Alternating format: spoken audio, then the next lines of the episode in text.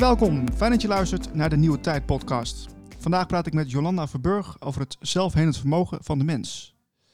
Een groot onderwerp dat steeds vaker ook door de mainstream media naar voren komt. En artsen, wetenschappers durven hier ook steeds meer over te vertellen door nieuwe kennis. Welkom Jolanda. Dankjewel, wat leuk dat je me hebt uitgenodigd naar aanleiding van mijn blog. Ja, nee, uh, dat, uh, dat was zeker een aanleiding. En uh, ik dacht laten we eens een keer in gesprek gaan over dit mooie onderwerp. Zeker, is een heel mooi onderwerp. Moeilijk, maar ja, wel waardevol. Absoluut. Je bent inspirator in een veranderende wereld op Twitter. Je bent ondernemer, voorstander van het basisinkomen en je geeft yoga en meditatie lessen. En je behandelt mensen met reiki. Ja, dat klopt. Oeh, interessant. Ja, het is uh, een, uh, een heel palet. En uh, ik geef nu zo'n vier jaar in eigen beheer yoga, hoewel ik dat zelf al vanaf mijn twintigste deed. En na ongeveer 20, 25 jaar in het zakenleven gewerkt te hebben, was het voor mij klaar. Ja. En toen dacht ik, ik moet wat anders. Ja, een andere richting. Absoluut. Dus toen ben ik zelf een yogaopleiding gaan doen. En ik geef nu vier jaar al in eigen beheer yoga. En dat is ontzettend leuk ja. en heel waardevol. En daarnaast geef ik ook meditatietrainingen. En dat is eigenlijk ook ontstaan nadat ik zelf een burn-out, een soort van burn-out heb gehad uh, rond mijn 35ste. toen wilde ik mediteren, maar ik wist niet hoe dat werkte. Dat lukte niet. En jaren later heb ik een vrouw leren kennen die training gaf daarin. En zij heeft mij geleerd hoe dat moet. Dus ik leer dat nu ook weer aan anderen. Ja, ja dat, is, dat is hartstikke mooi. Ja. ja. Um, daarnaast schrijf je dus ook blogs over verschillende onderwerpen. Klopt. Uh, dingen die jou bezighouden. En zoals ik dus ook een blog uh, die schreef over zelfheling. En nou, daar gaan we het over hebben. Het, ja. het is wel makkelijk voor mensen die niks hebben, hè? Wat wij dus eigenlijk... ja, tuurlijk. Ja, het is makkelijk praten, maar ja. We gaan het gewoon doen. We gaan het gewoon doen. Um, ik ben eigenlijk wel benieuwd waarom dit onderwerp jou zo interesseert. Um, nou, ik kom uit een uh, christelijk nest, uh, zwaar christelijk nest, gereformeerd nest. En daar was het allemaal um, doorgaan, niet ziek zijn, um, hard voor jezelf zijn. en dus zo ben ik opgevoed. En ik heb ook nooit wat. Ik ben ook nooit ziek. Hmm. Ik heb wel eens wat kwaaltjes natuurlijk, net zoals iedereen. schouderproblemen als je te lang achter je pc zit of zo. Um, maar echt ziek zijn heb ik nooit meegemaakt. En um, toen ik een jaar 35 was, uh, werd mijn moeder ziek, plotseling. Die was ook nooit ziek. Hmm. En toen bleek dat ze longkanker had. Zo. En zij was toen 58 of 57 en ze is een jaar later overleden, op de 58ste. Veel te jong. Ja. En uh, heel jammer, want ze was mijn maatje. En um, ja, dat heeft me erg aan denken gezet. Daarna heb ik ook zelf een soort van burn-out gehad, zo zou je het nu noemen. Toen mm heette dat nog niet zo. Ja. En dan ga je nadenken, filosoferen van waarom worden mensen ziek? Uh, hoe kan je het voorkomen? Wat kan je eraan doen? Ja, en toen is mijn, uh, ja, toen ben ik daarmee begonnen om daarover na te denken, te lezen. En kwam ook bij de kwantumfysica terecht. Oké. Ik zag net ook dat je een boekje had meegenomen, ja. uh, wat van jouw moeder uh, was. Ja, daar klopt. is, daar, is, daar is ze in begonnen te lezen. Ja. En dat heeft, het heet De Kankeroverwinnaar. Ja. En dat ben je eigenlijk pas kort achtergekomen dat, dat ze daarmee bezig was. Hè? Ja, want mijn vader is nu een jaar geleden overleden. En we hebben net het huis leeggehaald. In december is het verkocht. En, um, en toen kwam ik dit boekje tegen. En er zit een kattenbelletje in van, uh, vanuit die tijd. Dat zie ik, kan ik zien. Dus mijn moeder is daarmee bezig geweest. Ja, ja, ja, maar dat heb ik dus nooit geweten. En zelf was ik ook hartstikke druk. Ik ging naar het buitenland en reisde uh, heel, heel, heel Nederland over. Ik heb wel heel veel met haar gesproken, maar toch nog te weinig over dit soort dingen. Want over dit soort dingen praat je niet. Nee, maar dat, dat is eigenlijk in deze tijd ook nog wel zo hè, bij heel veel mensen. Dat, dat, uh, dat is te intiem. Klopt. Dat, is, uh, dat, dat laten ze maar even achterwege, want uh, nou ja, dat regelt zich vanzelf wel of zo. Dat is toch, het is belangrijk dat we over dit soort onderwerpen echt gaan praten met elkaar. Ja. ja, over je gevoel praten is en blijft lastig. Voelen sowieso. Ja. En wat ik al zei, ik, ik ben grootgebracht met niet zeuren, je bent niet ziek. Maar ik merkte toen ik eh, zelf eh, dus een dip had, dat, dat ik mijn gev- gevoel van mijn eigen lichaam kwijt was. Mhm. En daar ben ik naar op zoek gegaan. En hoewel ik yoga deed, toen al, ehm, kon ik toch niet heel goed bij dat gevoel. Hm. Bij wat mijn lichaam nou was. Hè. Het je zit allemaal in je hoofd. Ja. En daar ben ik aan het werk gegaan. En hoe, ben je, hoe heb je je gevoel weer teruggevonden? Ehm, ik heb ook wat psychotherapie gehad. En eh, dan, dat zet je ook wel weer aan denken. Ehm, ja, hoe heb ik dat gedaan? Eh, lezen vooral. Ehm, ik las enorm veel over de kwantumfysica en hoe dat werkt. Ehm, maar ook over gezond zijn, eh, gezonde levensstijl. Eh, biologisch eten was toen nog helemaal niet aan de orde. hè. Ik praat over Mm. midden jaren negentig. Oh ja. En ehm, dat is nu allemaal heel normaal. Ja. Maar toen niet. Kun je zien wat er voor veranderingen er zijn geweest hè, de afgelopen eh, jaren? Absoluut. Ja. Heel, heel, heel snel gegaan. Ja. ja. Nou, even terug naar het stukje zelfheling, want ja, dat is ook al groot op zich. Eh, ik ben, wat, wat versta je onder zelfheling? Hè? Want je hebt ook zelfgenezing. Wat, wat, wat, eh, wat, wat, wat, wat, wat is zelfheling volgens jou? Eh, ik zie geen verschil tussen zelfheling en zelfgenezing. Eh, dat hoort wel bij elkaar, denk ik. Mhm. Ehm, het is het vermogen van de mens om jezelf beter te maken. En het heeft te maken met lichaam en geest. Mhm. Eh, als je lichaam niet eh, lekker in elkaar zit, dus als je lichamelijke klachten hebt, schouderproblemen, rugproblemen, dan is je gemoedstoestand ook niet in orde. Maar als je gemoedstoestand ehm, niet goed is, of je eenzaam bent, of verdrietig, of liefdesverdriet, of wat dan ook, dan heeft dat weer zijn weerslag op je lichaam. En dan kan je daardoor weer rugklachten krijgen of andere problemen. Mhm. Dus het is die wisselwerking. En als de balans tussen de lichaam en geest weg is, dan word je ziek. Ah, oké. En, en hoe kunnen wij dat, dat weer aan het werk zetten? Ja, dat is een, eh, dat is een goed, goede vraag. Ook heel lastig. Ehm, het is vooral het besef dat je het zelf moet doen. En we leggen te, te, te vaak ehm, ehm, on- het in de handen van de medici. Mhm. En denken, nou, zij lossen het wel op. Ja, pijnstillers, eh, huisarts. Ja, ja. Ja. Ja, En natuurlijk moet je dat ook doen. Hè, als je een gebroken arm hebt, kan je niet om, de, om, om het ziekenhuis heen. Nee, nee. Ehm, maar er zijn veel meer dingen die je ook zelf kan doen. Eh, zelf naar je psyche kijken, naar je gemoedstoestand. Ehm, want dat, eh, dat heeft een wisselwerking. Ja, ja als je het hebt over psychische klachten, eh, dat, daar heb ik ook wel veel ervaring mee. In mijn werk bijvoorbeeld. Dat mensen heel erg in hun hoofd zitten. Dat ze, het hoofd is zo druk met allerlei gedachten, vaak ook negatieve gedachten, die, de die ervoor zorgen dat hun werkelijkheid ook zo gekleurd is. Dus als jij je, je de controle hebt over je gedachten, heb je ook de controle over je werkelijkheid. Ja, absoluut. Maar dat is al moeilijk genoeg. Ja, ja, ja, ja. Ehm, wat ook heel belangrijk is, is dat je eerlijk moet zijn tegen jezelf. We hebben allemaal onze trauma's, allemaal onze ehm, dingen die we niet fijn vinden. En ehm, je moet niet weglopen voor die gevoelens, de dingen waar je mee zit, eh, de pijn in je lichaam. Eh, dat moet je in de ogen kijken. En dat doe ik met mijn yogales ook altijd. Er is altijd een stukje voor, even tot jezelf komen voordat de les begint. En afsluitend een lange ontspanning. Mhm. En ik zeg heel vaak tegen de mensen, eh, observeer je lichaam. En als er ergens een plek is in je lichaam wat pijn doet of wat weerstand oproept of wat dan ook, Ja. wat eh, stijf is of niet mee wil, kijk daarnaar. Loop er niet voor weg. Kijk het aan. En ga er met je adem naartoe. En kijk het aan en laat het los. Dus bij de uitademing laat je los. Mhm.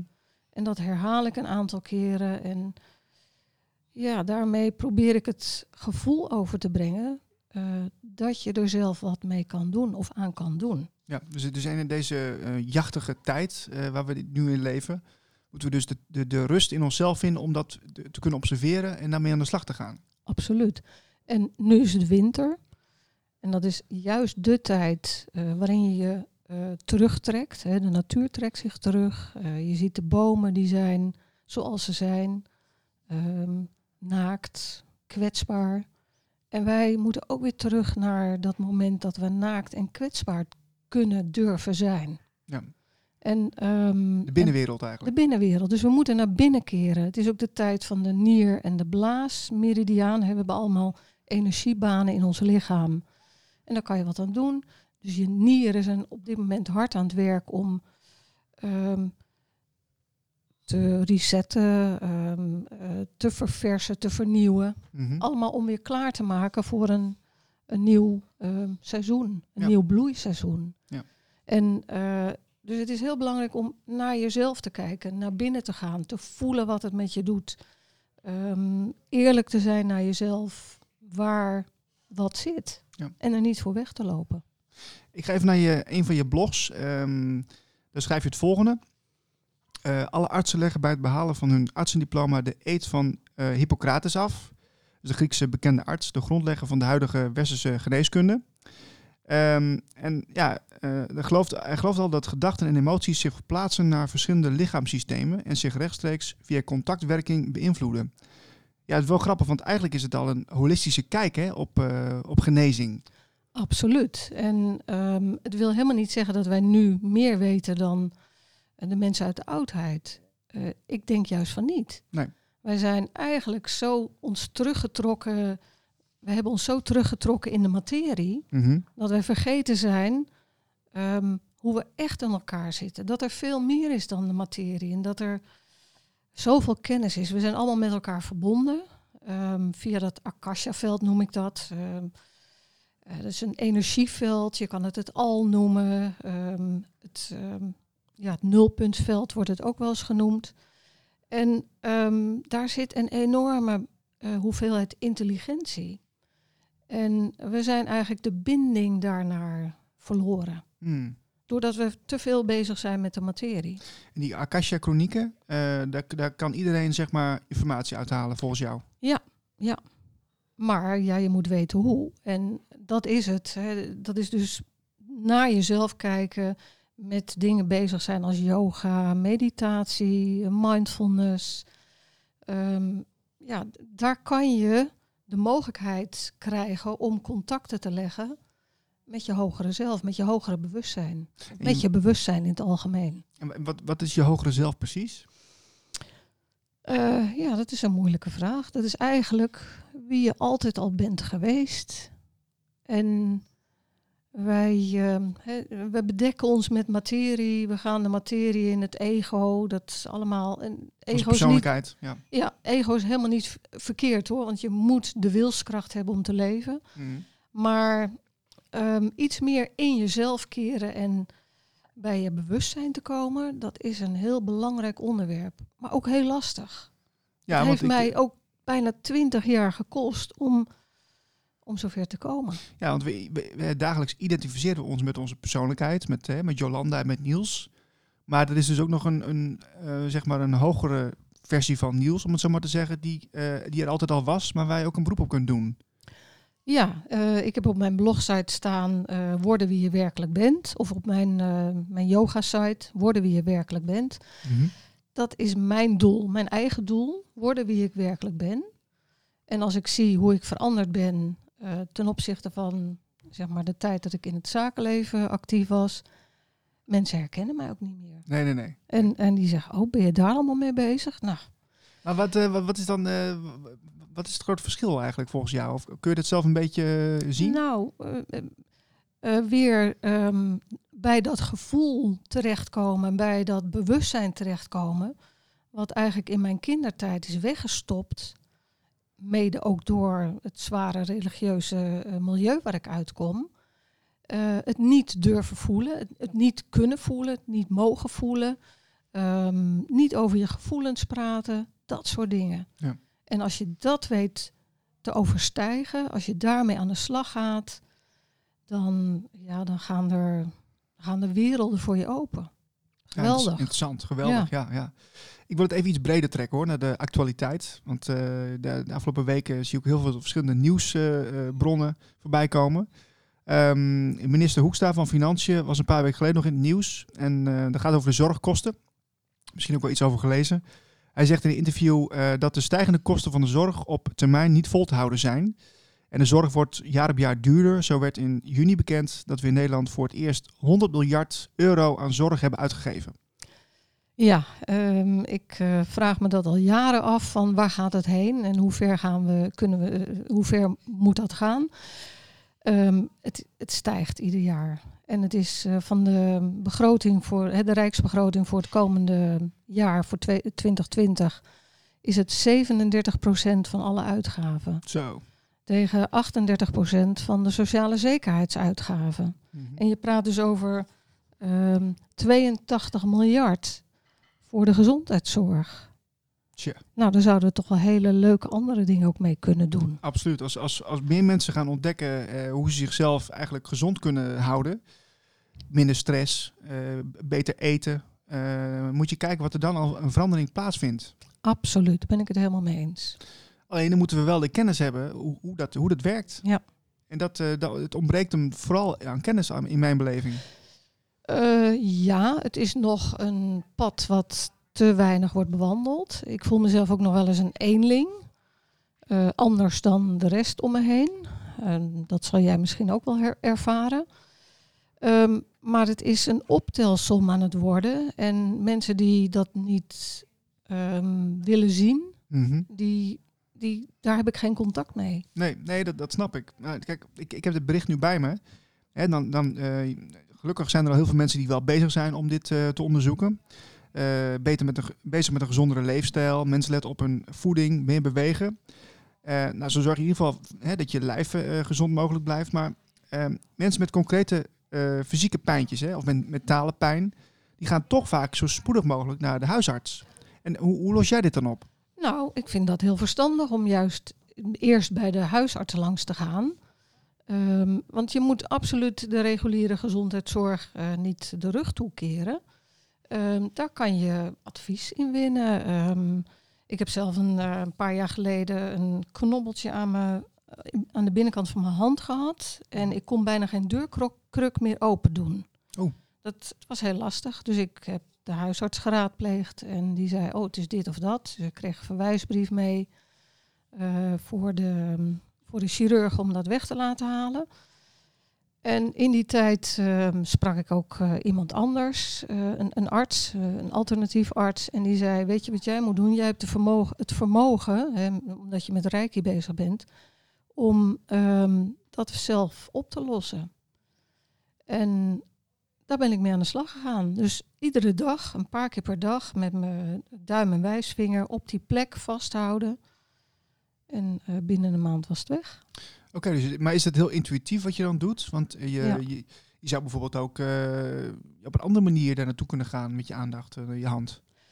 Ja, nou hij zei van neem de wijsvinger en de duim en gebruik die als een soort Noordpool en Zuidpool en leg dat erop. Hm. Uh, ondertussen stuurde ik er ook Reiki naartoe.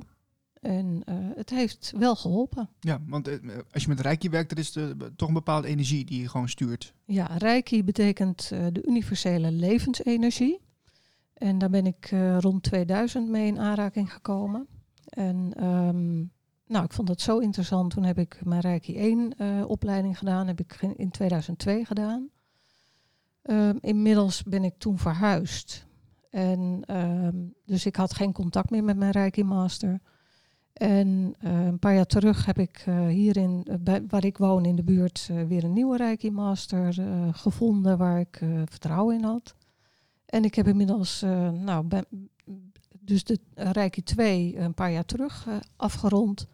En ik ben nu klaar met mijn Reiki, Reiki Masterschap. Wauw. En dus ja, binnenkort uh, krijg ik wel mijn certificaat uh, mag ik aannemen. Kan je, ik het aan de muur hangen. ja, precies.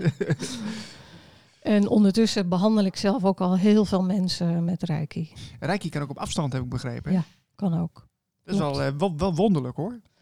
Ja, nou die vriendin. Ik heb een vriendin die momenteel geveld is door de longkanker. Dat is heel vervelend. En wij hebben ook samen de Reiki-opleiding gedaan. En we zaten in een groepje, dus we sturen haar eigenlijk iedere dag op afstand Reiki toe. Ja, nee, het kan ook met het intentievermogen. Hè? Dat, Klopt. Uh, Lynn Mc- McTaggart, uh, bekende uh, journalist, die dat, heeft het op gang gezet. Ja. Het is fantastisch dat mensen daarmee bezig zijn. Klopt. Ja, dat klopt. Dus um, ik, ik, ik, ik, ja, ik wil zelf ook nog een, een persoonlijke anekdote vertellen. Want um, ik denk een maand of drie geleden kreeg ik opeens een migraineaanval, s'avonds. En ik had een, toch wel een druk weekend gehad. En toen kreeg ik op maandagavond, uh, toen ik toch nog iets wilde uh, doen thuis op mijn pc, kreeg ik opeens een, een, een migraineaanval. Dat was voor mij voor het eerst. En ik, ik raakte helemaal echt in paniek. Ik had nog nooit zo'n heftige aanval gehad. Of als een grote klem op je hoofd wordt gezet, als het ware. Zo moet je het een beetje zien. En ik, um, ja, ik, ik, ik, ik, ik, ik, kroop eigenlijk over de grond van de pijn. Dus ik ging naar mijn vriendin. Ik zei, oh, wat is dit joh, help, wat moet ik nou doen?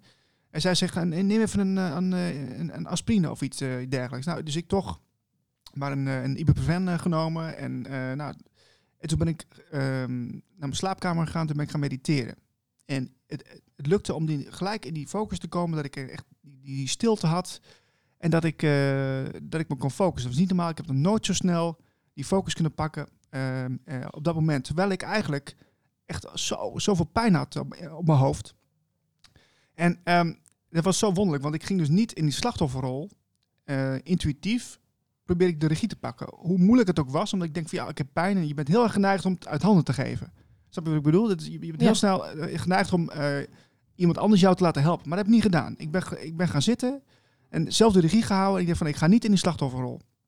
En vervolgens, ja, ik, ik ging daar zitten, mediteren. En, en nou, heel langzaam werd het dan minder door de meditatie, maar het was nog niet weg. En toen intuïtief kreeg ik een ingeving dat ik uh, aan de voorkant van mijn hoofd moest ik beginnen met het wegdrukken van de pijn naar achteren.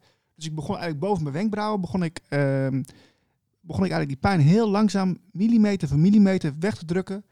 Achter mijn hersenpan, helemaal naar achter tot aan mijn uh, nek. Dus helemaal terug. Dat ging echt heel langzaam. maar ik denk van, ja, dat, dat, dat, ik, iets in mij zei dat het moest gebeuren. En op het moment dat ik dat deed, dat terugduwen, voelde ik alsof, alsof er touwtjes boven mijn hoofd uh, bungelden die, die dat eruit trokken, de pijn, letterlijk. Dat was echt zo bizar. En dat deed ik zelf niet. Dat, dus ik, ik denk van ja, dat, dat, doet iets anders. Maar wat dat dan was, geen idee. Maar iets was wat mij hielp. Ja, nou ja, dit is juist het voorbeeld wat ik dagelijks ook meemaak. Ja. En wat ik zelf ook ervaren heb. Ja. ik heb bijvoorbeeld tien dagen vipassana meditatie gedaan. En dan zit je dus tien uur per dag op een kussentje, tien uur, uh, dus tien uur per dag, tien dagen lang te mediteren. Ja. En dan gaat alles pijn doen, want je kan op een zeker moment niet meer zo lang blijven zitten. Het is ook niet tien uur achter elkaar. Je mag best wel even opstaan af en toe. Mm -hmm. Maar toch, het, het was heel erg zwaar. En, uh, maar ik heb hele bijzondere dingen meegemaakt. He, je gaat je gaat naar, ja, naar een hoger bewustzijn. Uh, ik ben uiteengevallen in duizenden sterretjes, in sterrenstof, in ja, tot het diepst van je ziel ga je. Mm -hmm. ja. Dus dat, uh, dat was echt geweldig. Wauw.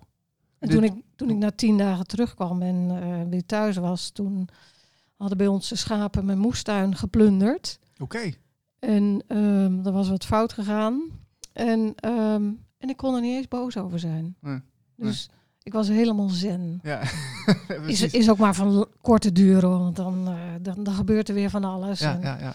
Maar goed, weet je, mensen die hier luisteren, die denken van ja, je hebt, uh, je hebt toch een medicatie uh, genomen en oké, okay, die oefening is gedaan, maar ik, daarna ben ik in slaap gevallen. En toen ben ik twee uur later, was echt elf uur s'avonds, werd ik wakker en toen was ik echt helemaal genezen. Ja. Dus natuurlijk geloof ik wel dat de medicatie heeft ook wel iets gedaan. Maar die oefening, ik voelde echt letterlijk dat er boven mij iets hing wat Mhm. het eruit trok. En ik, ik, dat deed ik niet zelf, maar ik, intuïtief uh, heb ik er wel voor gezorgd dat het in gang gezet werd. Maar vraag me niet wat er nou gebeurde, dat weet ik niet. Nee, dat weet ik ook niet. Nee, nee. Dat weet je alleen zelf. En, maar dat is juist het onverklaarbare. Um, en, en die dingen die kom je tegen. Uh, toen mijn moeder stierf, gebeurde er ook van alles. Ja. En al mijn andere familieleden die rond het, bed, rond het bed stonden, hebben dat niet gezien. Nee. Ik heb dingen gezien waarvan ik dacht, pas jaren later van, oh, is dat wat ik heb gezien? Dus zeg maar het, het wegvoeren van haar, of het, het wegvliegen van haar ziel of zo, Mhm, dat ja. soort dingen. Ja, ja. En ik heb wel vaker ook eh, dingen meegemaakt. Uh, ja, en dat, dat moet je koesteren, dat soort gebeurtenissen. Ja. En misschien in, in eerste instantie denk je van wat is dit en wat moet ik hiermee? Maar als je er later op terugkijkt, dan, uh, dan zie je pas wat, uh, wat de waarde ervan is en hoe waardevol dat geweest is, dat je die ervaring hebt gehad. Ja, je hoeft er ook helemaal niet bang voor te zijn. Hè? Dat is ook iets wat, wat mensen vaak denken, oeh, dat is spannend of zo. Maar het is juist heel liefdevol en uh, ja, je komt in een neutrale toestand als het ware. Dat, de, de, de, de angst is er gewoon niet. Nee, is klopt. er niet, bestaat niet. Nee, klopt. Klopt. Tenzij je denkt dat het wel bestaat, dan is het er ook. Ja, en, en angst is sowieso een slechte raadgever. Um, ik ben zelf helemaal niet bang om dood te gaan. En um, ja, dus dat zet ook het hele leven in een heel ander daglicht. Maar er zijn zat mensen die zijn zo bang om dood te gaan en die, die raken verkrampt. En dan is het zelfhelend vermogen ook lastig om naar boven te halen. Ja, klopt. Mensen die naar deze podcast luisteren, die zijn natuurlijk geïnteresseerd in dit onderwerp. Um, wat is jou eigenlijk jouw uh, ultieme uh, tip voor mensen die hier eens mee willen experimenteren? Um, nou, ten eerste, je moet nooit de reguliere geneeskunde de rug toekeren. Gewoon wel daarbij betrokken blijven. Maar zoek de alternatieven. Zoek het alternatieve circuit. Keer in jezelf. Doe yoga, meditatie. Er zijn heel veel andere dingen. wandelen in het bos. Meer tijd voor jezelf nemen. minder uren maken in een week ja, met minder geld kunnen we ook gelukkig zijn. En uh, het draait niet alleen maar om materie, het draait niet alleen maar om geld. Het draait om liefde, liefde ja. tussen mensen. En dat krijg je alleen maar als je relaxed bent en als je jezelf kan zijn. Dus als je, als je kan worden wie je werkelijk bent, ja, dan gaat er een wereld voor je open. Ja, mooi gezegd. Nou, ik denk dat het een mooie afsluiter is. Oké, okay, dank je. Dank voor je tijd. Graag gedaan. Voor meer informatie en podcasts ga je naar de website blikopdemaatschappij.nl